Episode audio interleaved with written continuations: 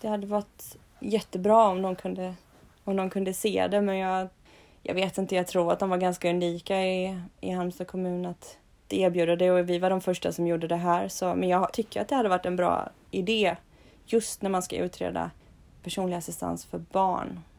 För att Mm. man bara snackar om föräldraansvar men när du ser det, när du verkligen ser det, då tror jag att det är så mycket enklare att förstå.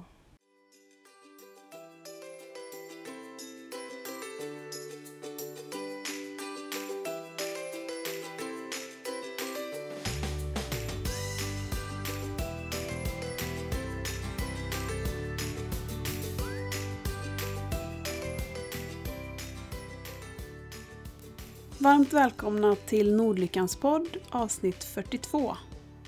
Och veckans avsnitt sponsras av Moonkids som erbjuder välsmakande, mjuka och tuggbara vitaminer i fem olika varianter för barn. Och den här gången ska jag berätta lite mer om Moonkids multivitamin och fiskolja.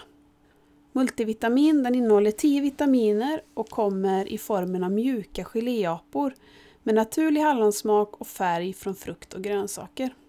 Och en apa innehåller vitamin D enligt de nordiska näringsrekommendationerna. Och det är samma dos av D-vitamin som det normalt finns i D-droppar. Fiskolja med omega-3 kommer i formen av mjuka geléfiskar med citronsmak och naturliga färger ifrån frukt och grönsaker. Fiskoljan är mikroinkapslad vilket innebär att det inte kommer fram någon bismak när man tuggar på fiskarna. Moonkids finns att köpa på samtliga apotekskedjor och även i många webbutiker. Moonkids har såklart även en egen webbshop på www.moonkids.se.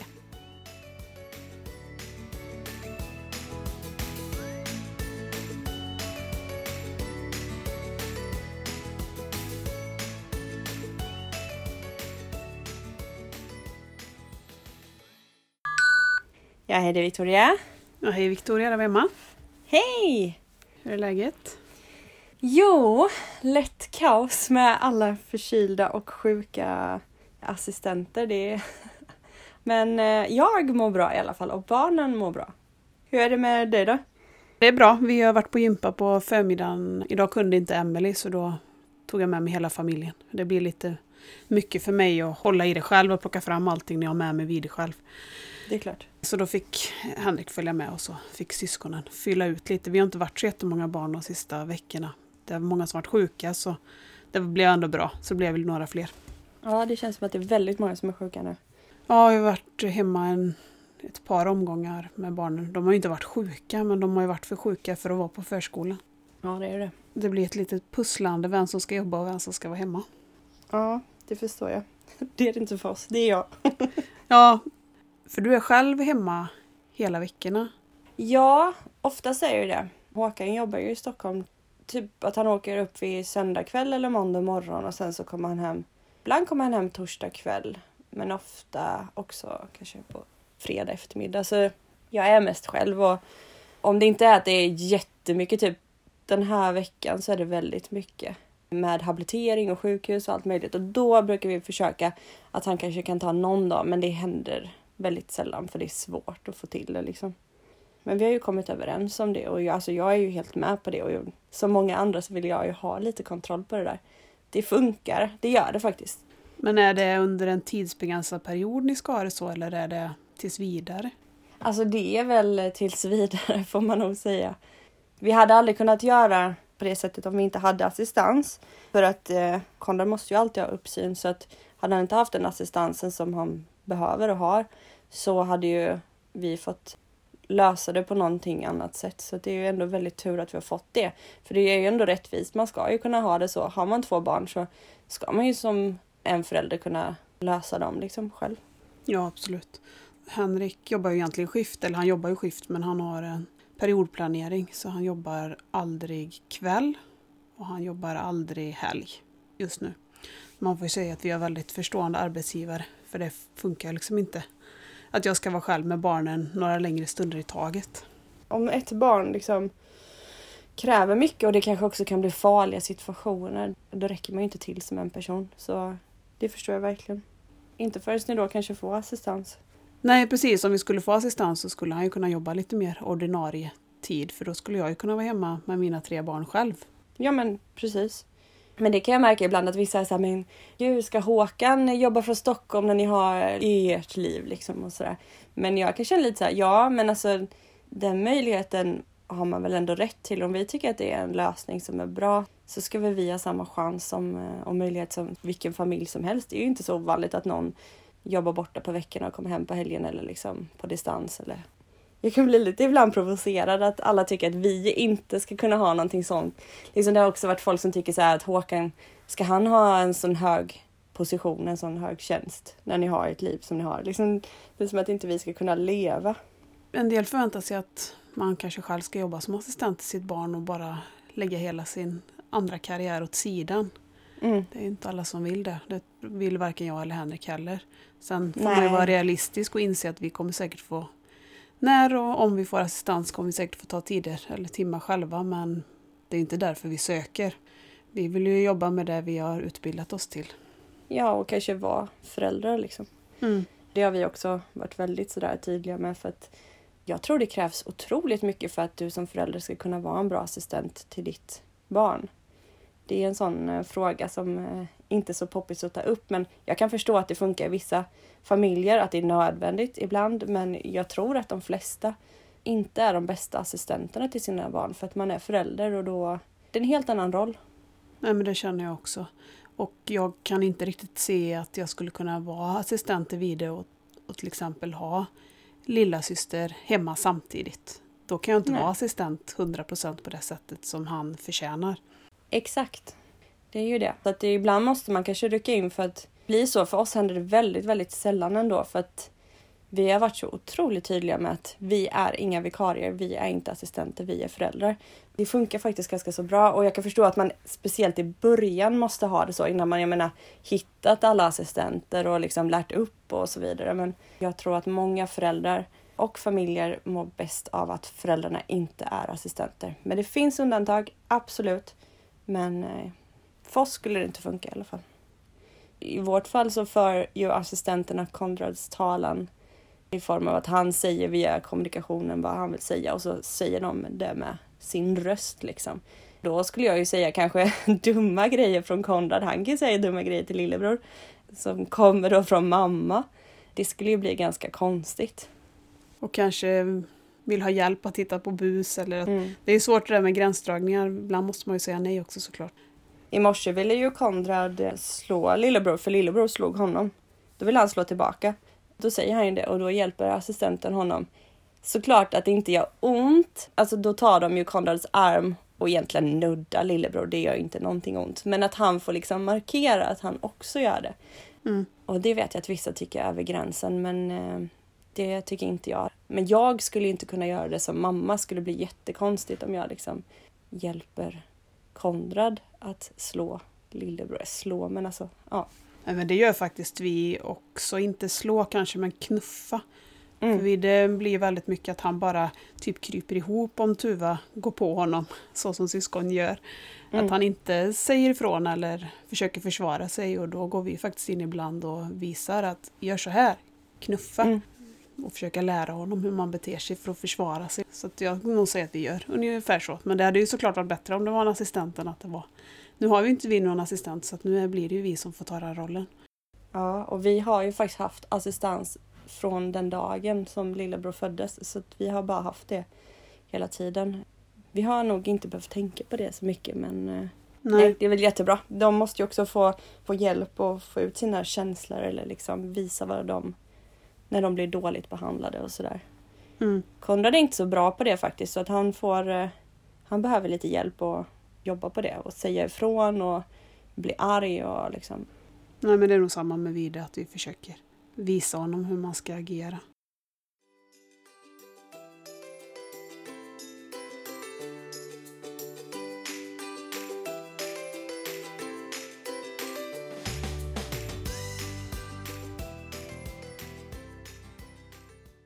Ni har ju dubbelassistans. Mm. Har ni vikarier som går in och jobbar? För jag tänker att det blir ju dubbelt så vad ska man säga, sårbart eftersom ni har två personer hela tiden. Ja men exakt. det har ju varit så svårt de senaste veckorna för nu är det verkligen många som har varit, ingen har haft corona men alla har fått förkylning, samma förkylning som har varit riktig och ordentlig förkylning. Så att det har varit jättesvårt men vår personal är väldigt, väldigt bra på att hoppa in för varandra och tänka lite så här att okej, okay, jag ska jobba i helgen, men nu behövs jag nu och då jobbar jag nu och sen löser vi helgen sen. Så de är väldigt så här, ja nu blev jag frisk, ja men då tar jag helgen istället. Men absolut att det händer, det har ju fått hända den här veckan som har varit att eh, vi har haft enkel assistans då. Mm. Och så har jag eh, hjälpt till. Men inte som assistent har jag inte lagt mig som. Då blir det stor skillnad eftersom eh, assistenterna och barnen är vana vid att det är så. För jag måste ju liksom, när det händer akuta grejer med Konrad, då är det ju bara att släppa lillebror och eh, hjälpa den andra assistenten. Det blir lite dramatiskt blir det när jag eh, är den som ska hjälpa till när det inte finns någon mer. Liksom.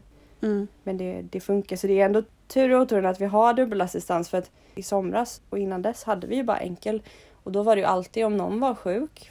För det första hade vi inte så många att välja på, det var inte lika många anställda och var de sjuka då var det oftast ingen som kunde hoppa in och då blev det oftast vi. Och då var vi väldigt sårbara. Mm. Det var jättesvårt med allting som kan hända med Konrad hela tiden och som händer. Så även om man kanske inte behövs egentligen kanske två i varje moment som görs, ganska många men inte kanske varje. Men man måste vara två som har uppsikt, en som är hela tiden redo att hoppa in och hjälpa till i akuta lägen. Liksom. Det är svårt. Ja, och sen, det är ju assistenternas jobb. Alltså jag tänker att man inte vill lägga för mycket press på dem heller, att de ska ha ansvar för när de andra blir sjuka och de har ju också såklart ett liv utanför mm. ert familjeliv eller så. Det blir ju lite speciellt när man jobbar i någons hem. Men om man har ett bra gäng som hjälper varandra så underlättar ju det såklart. Ja men jag tror det, jag håller med dig och jag tror att vi har många som är liksom, jag menar de är eldsjälar det håller jag verkligen med om och just nu håller vi på också att försöka hitta mer personal. Vi har idag bara två timmisar och de pluggar vid sidan om så det är ganska svårt att de ska kunna precis när som helst liksom. Så att nu ska vi få in eh, fler timmisar just för att inte de ordinarie ska liksom hela tiden känna att de måste ändra sina planer. Mm. Så är det ju ganska mycket nu, det är det och man får ju dåligt samvete också. Jag får ju dåligt samvete om jag vet att de ska göra någonting och de måste hoppa in.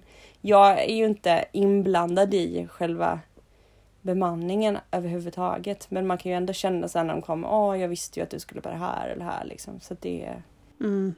För era assistenter antar jag har en hel del utbildningar för att kunna jobba med Konrad eller interna utbildningar i alla fall. Ja, det är ju mest interna i form av upplärning alltså av andra assistenter. Mm. Så de behöver inte ha någon så delegering eller någonting sånt utan de får liksom lära sig det. Det är ju ganska lång upplärning blir det för att man ska kunna klara av det.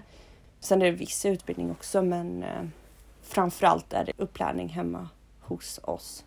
Ja, för med Vide blir det ju mer att man ska lära känna honom. Vi har ju inte så mycket medicinska saker. Nej. Och sen känns det lite sådär konstigt för vi håller ju på att göra väldigt mycket tarmtömningar på honom dagligen. Mm. Att någon utomstående ska göra det, det, ja, det känns lite konstigt. Jag förstår det. Jag tror att det, jag menar i början när vi hade assistans, då gjorde jag typ allting som jag alltid, alltid hade gjort. Han var ju tre och ett halvt år ungefär. Och så successivt, och så fick de liksom bara vara med och assistera mig om man säger för de farliga situationerna. Men jag bytte blöjan, jag gjorde det, jag gjorde det, jag gjorde liksom allt. Kanske inte mediciner utan det fick de göra men, men jag gjorde väldigt mycket och sen har det liksom successivt blivit liksom att de har fått ta över mer och mer och mer för jag hade också samma känsla liksom. Nej men ska de, eh, men bara det, ska de byta blöja på honom eller liksom så här. Idag känns det inte konstigt men Konrad kan ibland tycka att han inte vill att de nya ska vara med honom inne på toaletten. Mm, det kan jag förstå. Och då får man försöka lösa det med att det är, i och med att vi har dubbelassistans oftast, så kan det vara att den ena bara är inne och så får den andra komma in, stå utanför dörren och komma in när det behövs. Eller att jag mm. får hjälpa till så man får byta lite sådär. Men, nej, jag kan förstå din känsla men jag tänker att man får liksom vänja sig så långsamt som man behöver. När vi blir lite äldre så kanske känslan kommer vara tvärtom, att det är mer naturligt att det är en assistent som hjälper dem med de sakerna än att det är vi föräldrar när han har blivit så stor så att man inte borde ha hjälpt honom med de sakerna om han hade varit ett typiskt barn. Mm. Jag vet inte om man ändrar inställning. Men det tror jag ju, för då vill man väl oftast inte att mamma ska liksom duscha en eller liksom så här. Det beror ju på. Nej, men jag tänker det. Ja, det är samma, det är det jag har tagit upp innan, att jag får inte välja kläderna längre.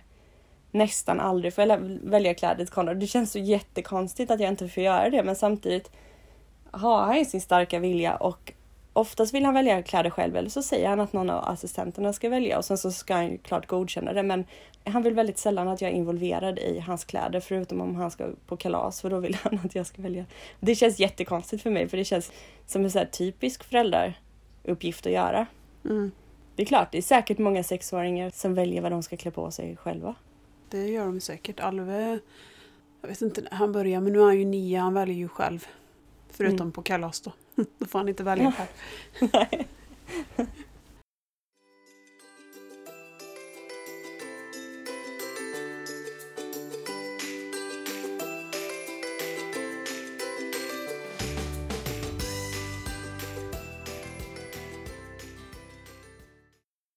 Om Konrad själv fick välja, hade han velat ha bara kvinnliga assistenter då eller hade han velat ha en manlig?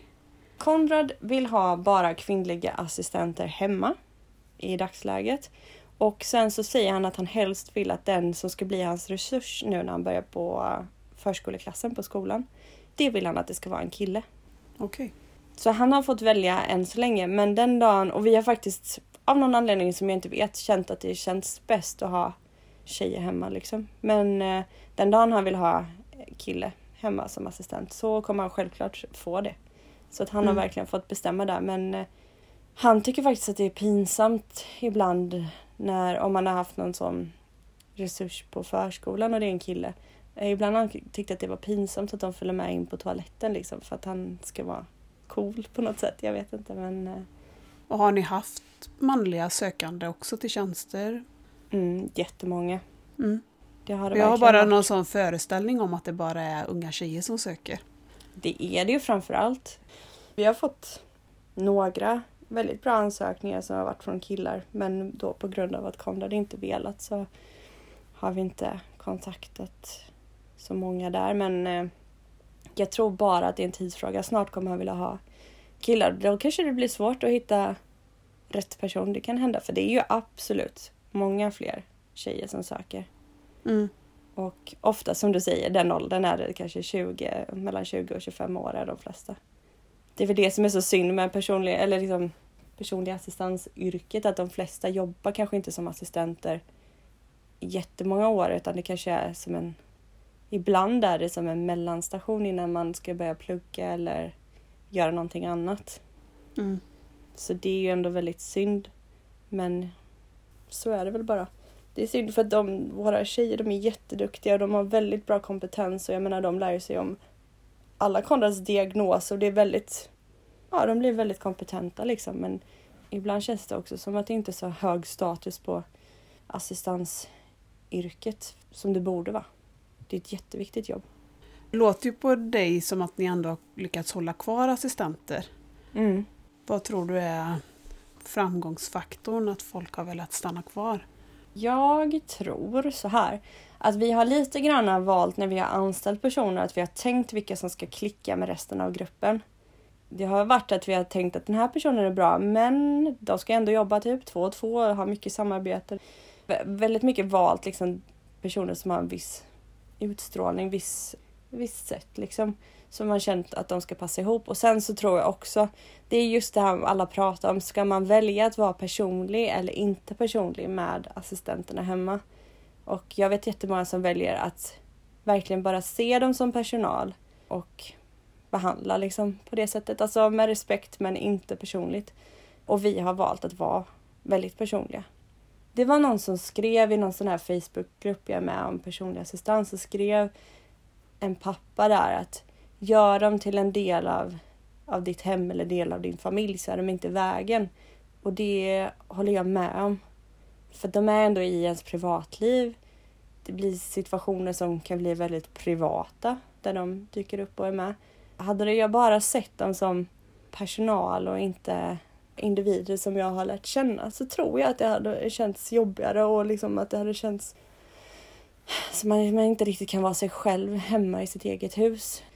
Jag vill veta hur våra assistenter mår. Vi har kul ihop. Det är väldigt, eh, vi har jätteroliga tjejer och de har kul ihop och de har kul med Konrad och vi har kul med hela familjen. Jag kan känna om vi är iväg på olika utflykter så kan man känna så här, ja men vi delar det här med till och med fler. Vi är inte bara vi utan vi är många som delar den här upplevelsen eller situationen. Så jag mm. tror att det, det har gjort också att de trivs, hoppas jag. Att de trivs hemma hos oss. Att de tycker att det är oftast trevligt och personligt och Sen älskar de Konrad, vad ska man säga? liksom, har man träffat Konrad så jag tror att det är ganska svårt att inte bli väldigt fast och eh, tycka om honom. Mm. Vide har ju också en sån förmåga att charma mm. människor utan att egentligen göra någon ansträngning. Jag vet ja. inte hur han lyckas riktigt. Men han har sån jäkla timing också på något sätt. Ja men det kan ju vara ett väldigt vinnande koncept som man inte kan styra över men som jag ändå tänker att det spelar ändå roll. Ja. Det är ju svårt. Jag kan tänka mig att ni också funderar hur ni ska förhålla er om ni får assistans. Hur ni ska förhålla er till assistenterna, vad som ska passa er familj och er liksom. Precis, jag tänker på den delen. Det var någon som skrev i någon, något inlägg på Instagram tror jag det var, om vilka regler de hade satt upp för sina assistenter och då var det bland annat att de inte vill att assistenterna ska påbörja småprat och att de inte vill att assistenterna ska prata om sina personliga bekymmer hemma hos mm. dem. Vi har ju också arbeten där vi stöter på mycket elände så att jag vet inte om jag då orkar att assistenten ska komma och prata om sina personliga bekymmer hemma hos oss. Det är ju lite frizon så. Jo, det kan jag förstå. Men vi har väl också lite den tysta regeln att om inte vi frågar specifikt, då tar de inte upp det. Nej. Om det är någonting, alltså det är inte så att de bara åh nu är det så här hemma och så, utan det kan ju vara så här. Vi har ändå varit faktiskt ganska tydliga för vi hade det problemet innan att det var väldigt mycket bara bla, bla, bla. Jag, jag höll på att nästan gå in i väggen ett tag av den anledningen. Så det har de ändå tagit upp på personalmöten som inte jag varit med på senaste tiden att kom inte om inte det att de frågar så kom inte upp med sådana grejer. Sen ibland kan det ju vara bra att veta varför en person kanske är lite låg om det är något specifikt sådär. Men vi har också kanske den regeln. Men däremot har jag ingenting, jag har ingenting emot att de kommer och småpratar. Nej. Hade de fler regler eller var det det det handlade om? Ja, det var det och sen var det nog mobiltelefon. Men det kan jag hålla med om att om man är på jobbet så ska man inte hålla på med sin mobil. Nej. Man behöver inte sätta upp de reglerna såklart direkt utan man får känna in sig först och se vad är detta för personer och hur förhåller vi oss till detta och vad trivs vi med? Ja. Men vi pratar ju väldigt lite jobb hemma eftersom vi är poliser båda två. Henrik mm. hade nog gärna pratat jobb hemma men jag vill inte göra det. Nej, det är klart. Det kan jag Det är ju lite förstå. samma. Att kanske inte heller då vill höra på alla möjliga personliga problem. Kan jag tänka mig att jag kommer ha den inställningen men eh, det kanske inte är någon person som har lust att prata om det med mig ändå så då blir det inte ett bekymmer. Nej, vi har tagit upp det efter att det var ett problem. Sen har det inte varit ett problem och vi har även, men vi har ju vissa regler också med mobiltelefoner och så vidare. Men vi har ju också så att vi sitter och äter ihop alla tillsammans. Det har ju vissa att man inte gör. Det passar oss liksom. Mm. Det är väl många som har ja, men kanske som ett personalrum nästan eller något rum som assistenten har och så. Men jag kan inte riktigt se att det blir så hos oss för assistenten ska ju vara där vi är och vi är ju med oss. Precis, det är ju samma här. De äter ju samtidigt som Konrad är tränar och så vi sitter tillsammans, vi är som en familj och då är ju de där. Skulle de vilja äta någon annan gång under dagen så kan de ju göra det men det har inte funnits som önskemål. Jag kommer få flytta på mig från min plats. Jag sitter jämte Vide, eller vi, jag och Henrik sitter ju på varsin sida om Vide. Mm -hmm. Men om vi skulle få assistans så får jag nog flytta på mig. ja, det hade jag faktiskt svårt för i början. Jag var så van vid att jag satt och matade Konrad och så här. Så I början så satt jag fortfarande så och matade Konrad så fick assistenten äta helt ostört fast med oss då men alltså inte att behöva hjälpa Konrad samtidigt men eh, nu med tiden så sitter jag och matar lillebror istället.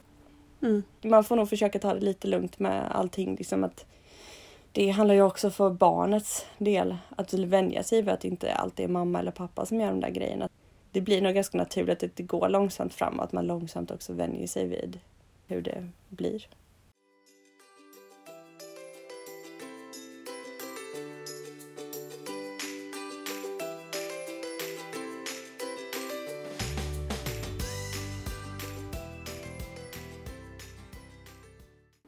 Vi skickar ju in, eller vi, men assistansbolaget skickar in vår ansökan för typ två veckor sedan och vi fick faktiskt en tid för sånt där utredningssamtal med kommunen redan nu i slutet på mars. Så det gick ju väldigt snabbt. Ja, helt fantastiskt. Med tanke på att det tog sex månader när vi skickade in avlösar, ansökan om avlösarservice så var det väldigt stor skillnad. Ja, det var väldigt snabbt. Vi har ändå skickat in en del sådana. Det har jag aldrig varit med om. Men kommer ni träffas hemma hos er då, eller hur? När det, det blir tänkt? digitalt. Mm, synd. Men det är klart, det är ju sådana tider nu. Varför säger du synd? Men jag vet inte, jag tyckte bara så att vi var ganska glada över att de kom hem till oss och såg hur det verkligen var. Mm. För när vi hade det här samtalet, då var ju Konrad hemma. Och då kunde de ju se, allting hände hela tiden. Håkan fick sitta ner och ha möte och jag sprang med båda barnen då. Det var ju när vi skulle få ut, utökad assistans och då var jag med båda barnen själv under tiden och liksom han blev låg i socker, han blev hög i socker och han kräktes och det, allting hände samtidigt och då kände jag bara det här var så bra att ni fick se det, hur det verkligen är. Mm. Sen kanske det i och för sig går att se digitalt också men innan vet jag att de har haft ibland att man bara har telefonsamtal och då ser man ju ingenting. Nej, jag tror inte att det är tal om att vi ska vara närvarande vid detta. Utan det är jag, Henrik och juristen och så den här handläggaren, eller vad kallar de det? Ja, handläggare på kommunen. Mm. Och det finns ju fördelar i det också. Det har jag inte ens tänkt på innan men jag menar det är ju ungefär allt det man säger ska ju barnet inte höra. Nej, jag vill ju gärna inte ha med han.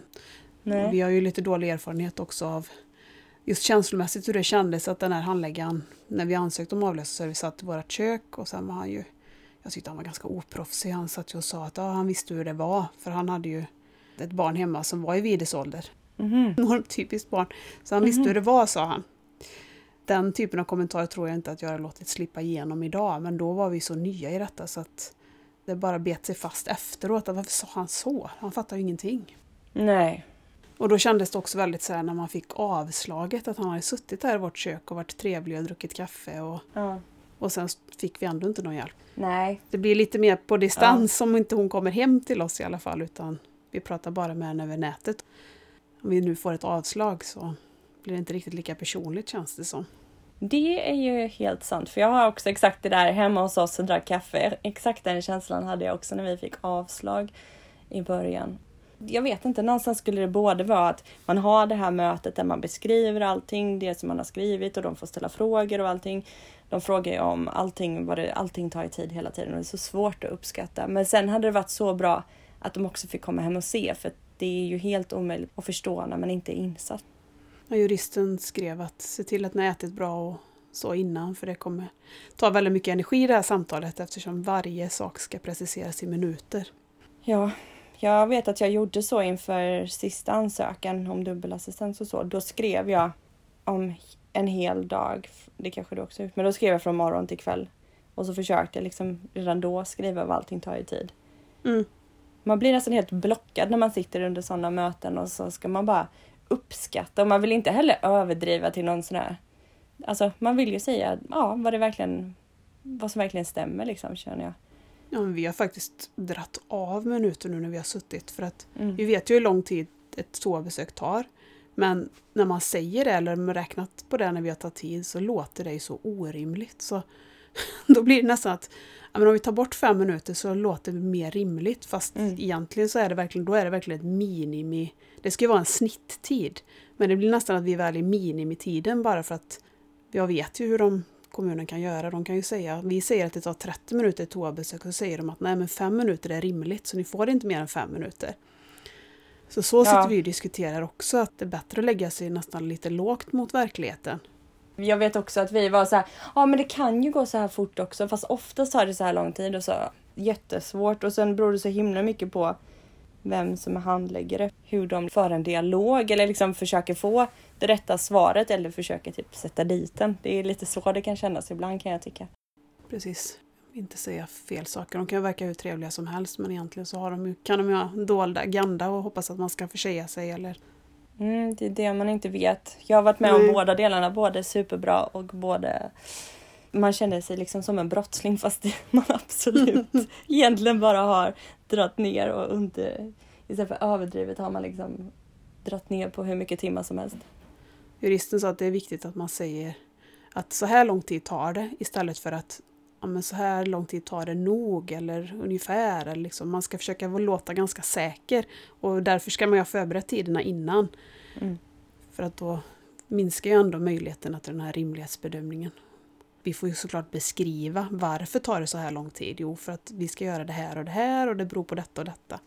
Jag tyckte det som var svårast att beskriva, det var ju varför Konrad behövde ständig övervakning.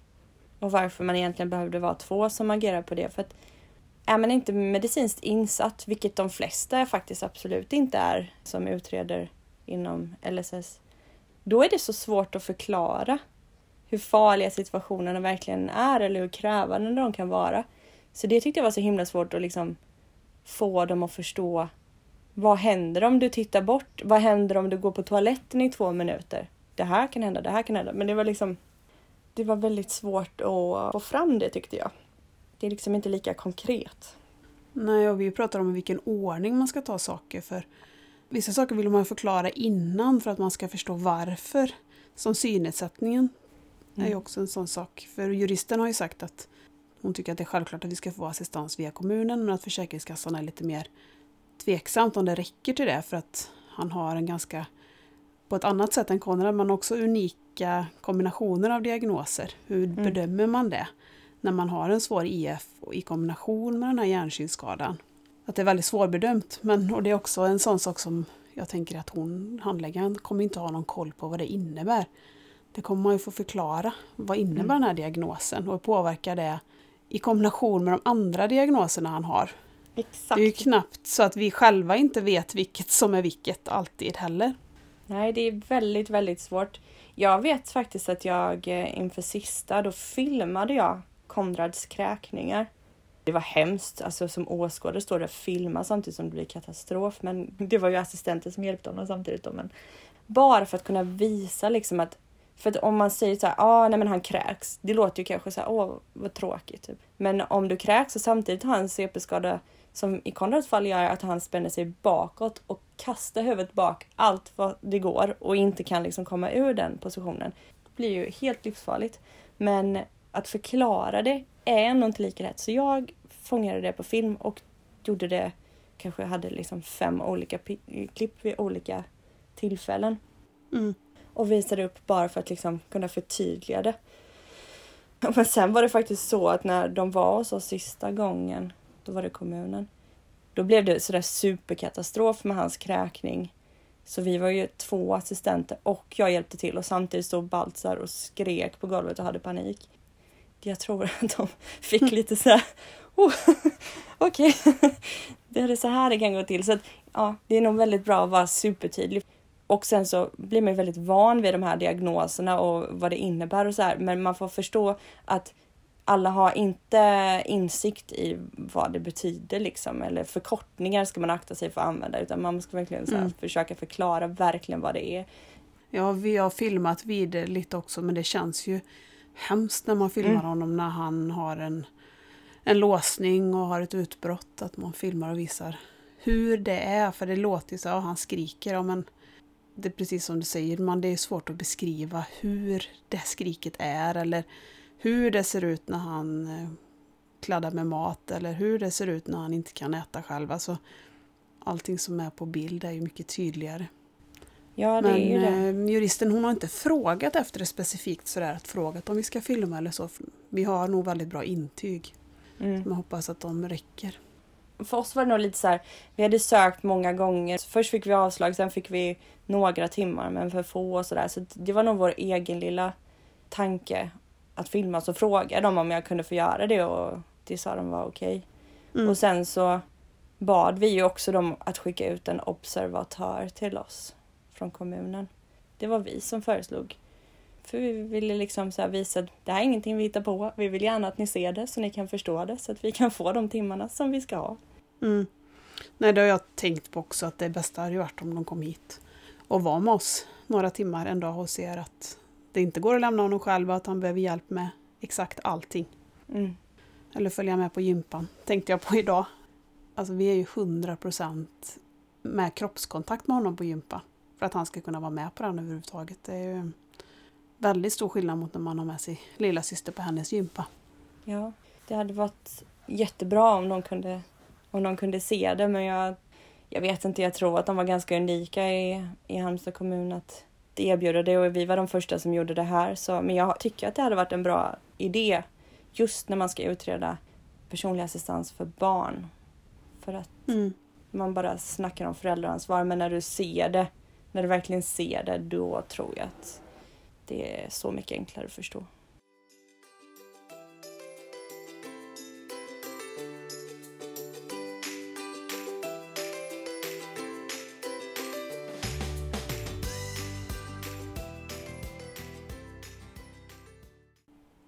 Kan få ställa den där frågan nu. Vi kommer alltid in på assistansen och då slutar man inte prata. ja men att jag såg på Instagram att du hade varit på någon utbildning inom bassängträning var det va? Ja, Nelms metod heter det.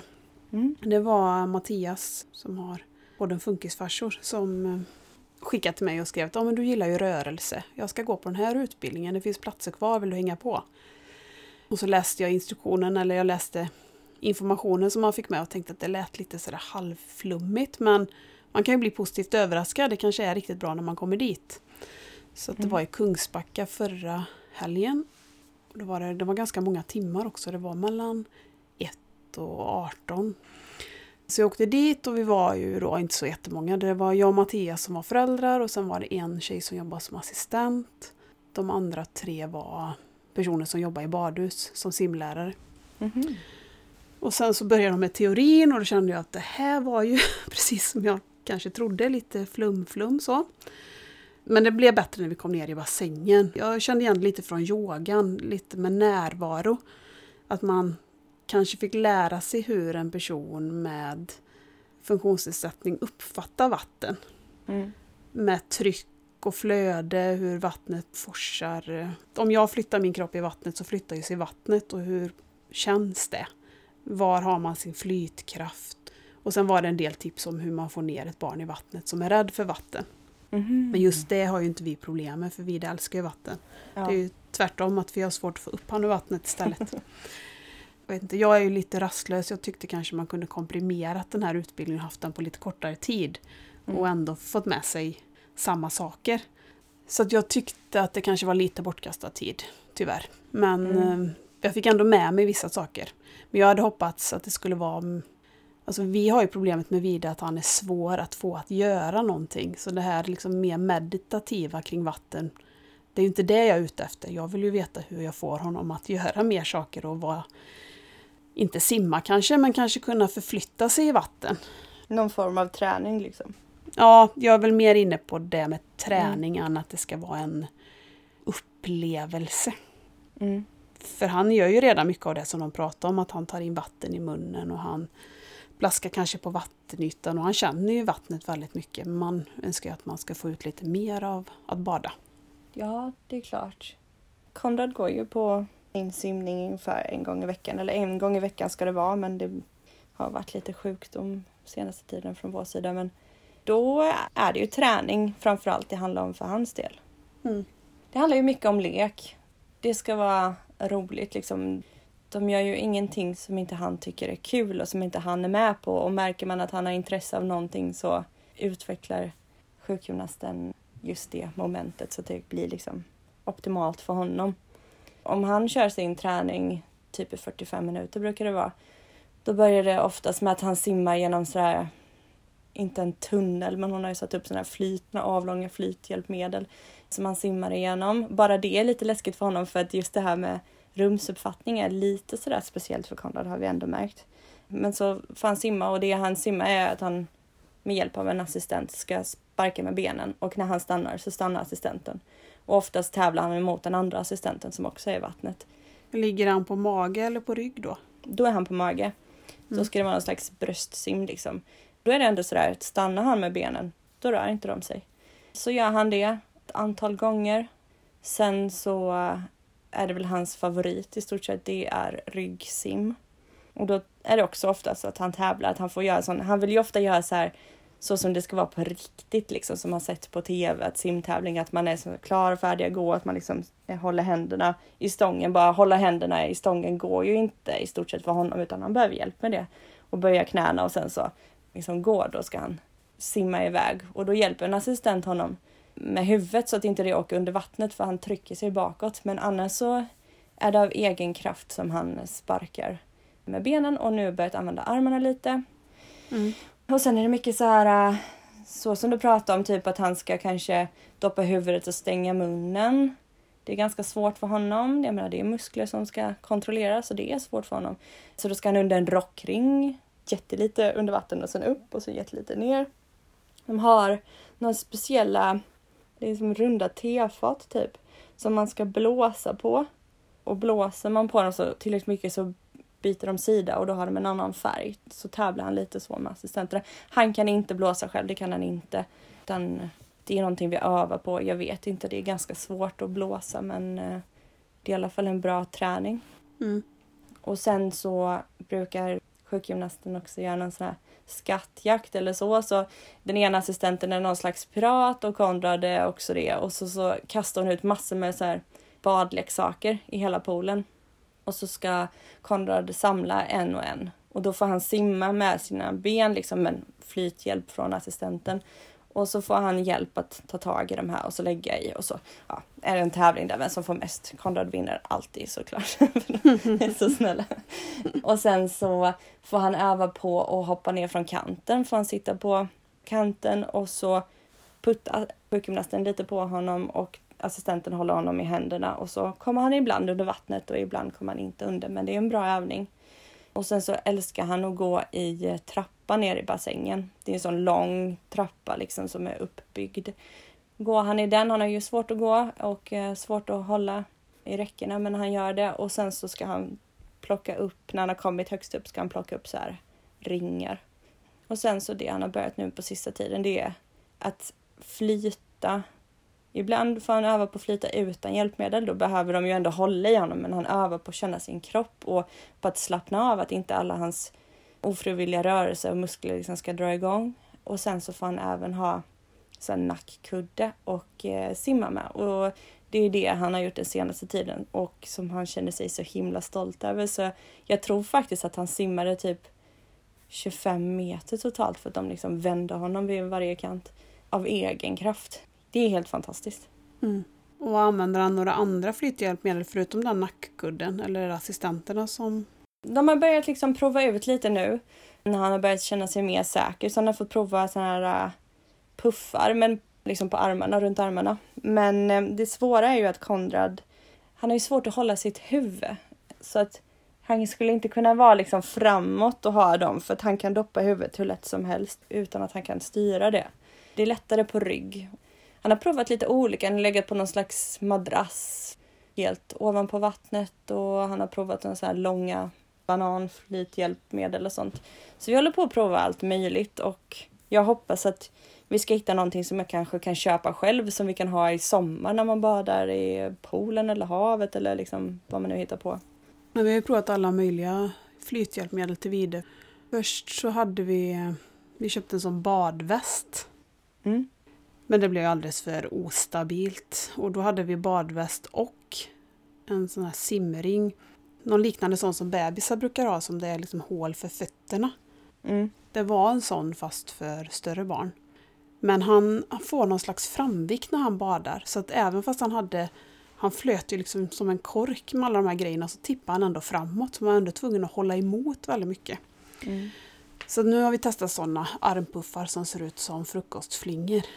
Mm, just det, sådana runda typ. Mm. Och då, vi måste fortfarande hålla honom men jag tycker han får lite bättre vattenläge. Men Det blir ju ändå väldigt mycket att han bara flyter när han har en sån. För armarna blir ju ganska statiska när man har dem på sig. För de ligger ju liksom ovanför vattenytan nästan. Jag fick tips om USA finns ju alltid allting. Det var, det, vad heter det nu då? Swim Angel Fish. De håller på med simkurser för framförallt barn tror jag med funktionsnedsättningar. Hade de bland annat en video där de tipsade om olika typer av flythjälpmedel. Och det var mer sånt jag tänkte att den utbildningen jag gick på i Kungsbacka, mm. det hade jag ju tyckt var jättebra. För de mm. visade alla möjliga hur man kunde använda det på olika sätt. Det fanns ibland sådana här flytkorvar. Sådana hade ju mm. Alvin när han gick på simskola. Fast då la man ju dem under bröstet eller under magen. Mm. Och så stack de ju liksom upp rakt upp i luften. Men de visade ja. att man kan knyta ihop dem. Typ med en tofs eller ett gummiband eller någonting. I, så att den blir som en ska man säga, som en droppe, droppformad. Mm. Och så kan man stoppa det under armarna på barnet. Och jag tänkte att det kanske vi ska prova, då blir han lite mer... Vi kommer ändå få vara där, men om man ska kunna känna var han har sin tyngdpunkt och var flytkraften ligger så får man inte heller ha för mycket Nej. flytgrejer. Det är ju en balansgång där. För att det är ju jättebra träning att vara i vatten också eftersom han har svårt med balansen. Det går ju men om han bara står så ser det ju ut som att han står på en balansbräda. Alltså han kan ju inte ställa sig och stå helt stilla så som vi gör. Utan han jobbar ju hela tiden med sin balans även fast han står helt still. Så att man förstår ju att han blir väldigt trött av att stå och gå. Ja, det är klart. Nej, och ni hade väl ingen bassäng via habiliteringen så ni kan prova olika heller? Nej, då får man ju gå privat. Men det finns ju ganska många alternativ runt om här med, som har sådana varmvattenbassänger där de har simundervisning. Jaha.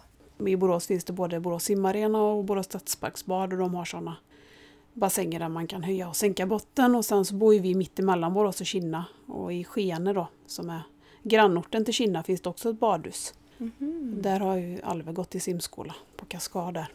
Men det gäller ju bara att när allmänheten har tillgång till dem eller när man kan boka in sig. För det är mm. väl väldigt mycket simskola tror jag. Ja, det är det ju säkert. Det är ändå synd att ni inte kan få det via habiliteringen för då ska de ju nästan kunna vara lite expert på vad som ska funka bäst. Liksom. Men mm. man får ju göra vad man kan. Som en del av de sakerna du berättat att Konrad gör, det blir lite för mycket instruktioner för Vide. Mm. Han behöver ju lite enklare. Men jag tror ändå att han skulle kunna lockas till att göra mer saker i vattnet än vad han gör nu.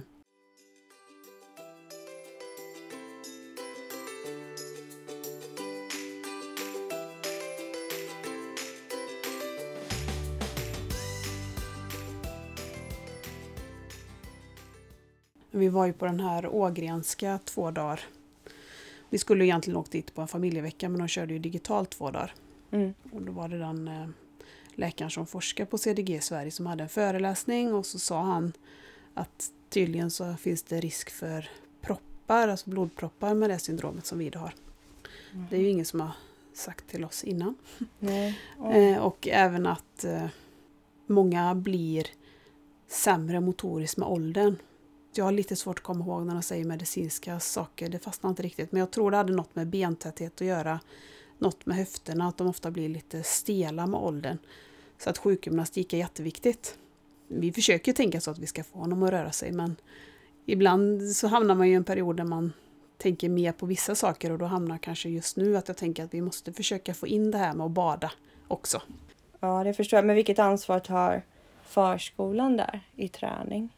Alltså innan vi gick på Bräcke, eller ja, vi gick ju på Bräcke nästan ett år mm. på konduktiv pedagogik och då så fick de ju samma övningar som vi fick med oss hem, fick även förskolan. Nu har de ju IBT och den mm. är ju väldigt tidskrävande.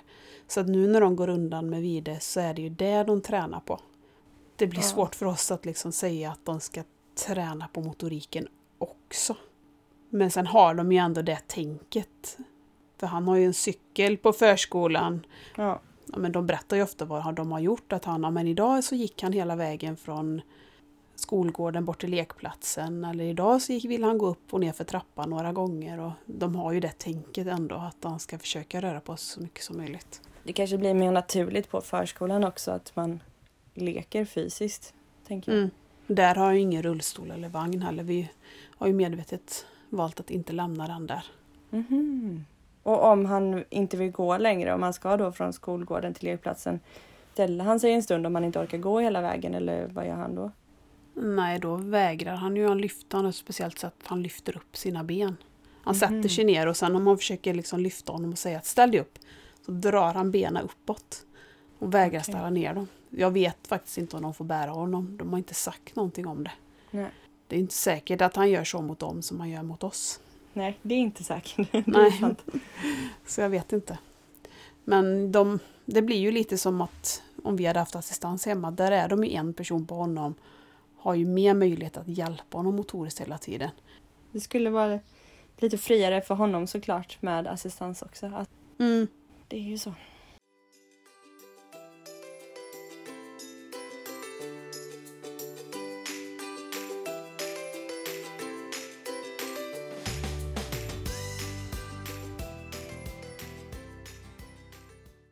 Vi fastnar på assistans.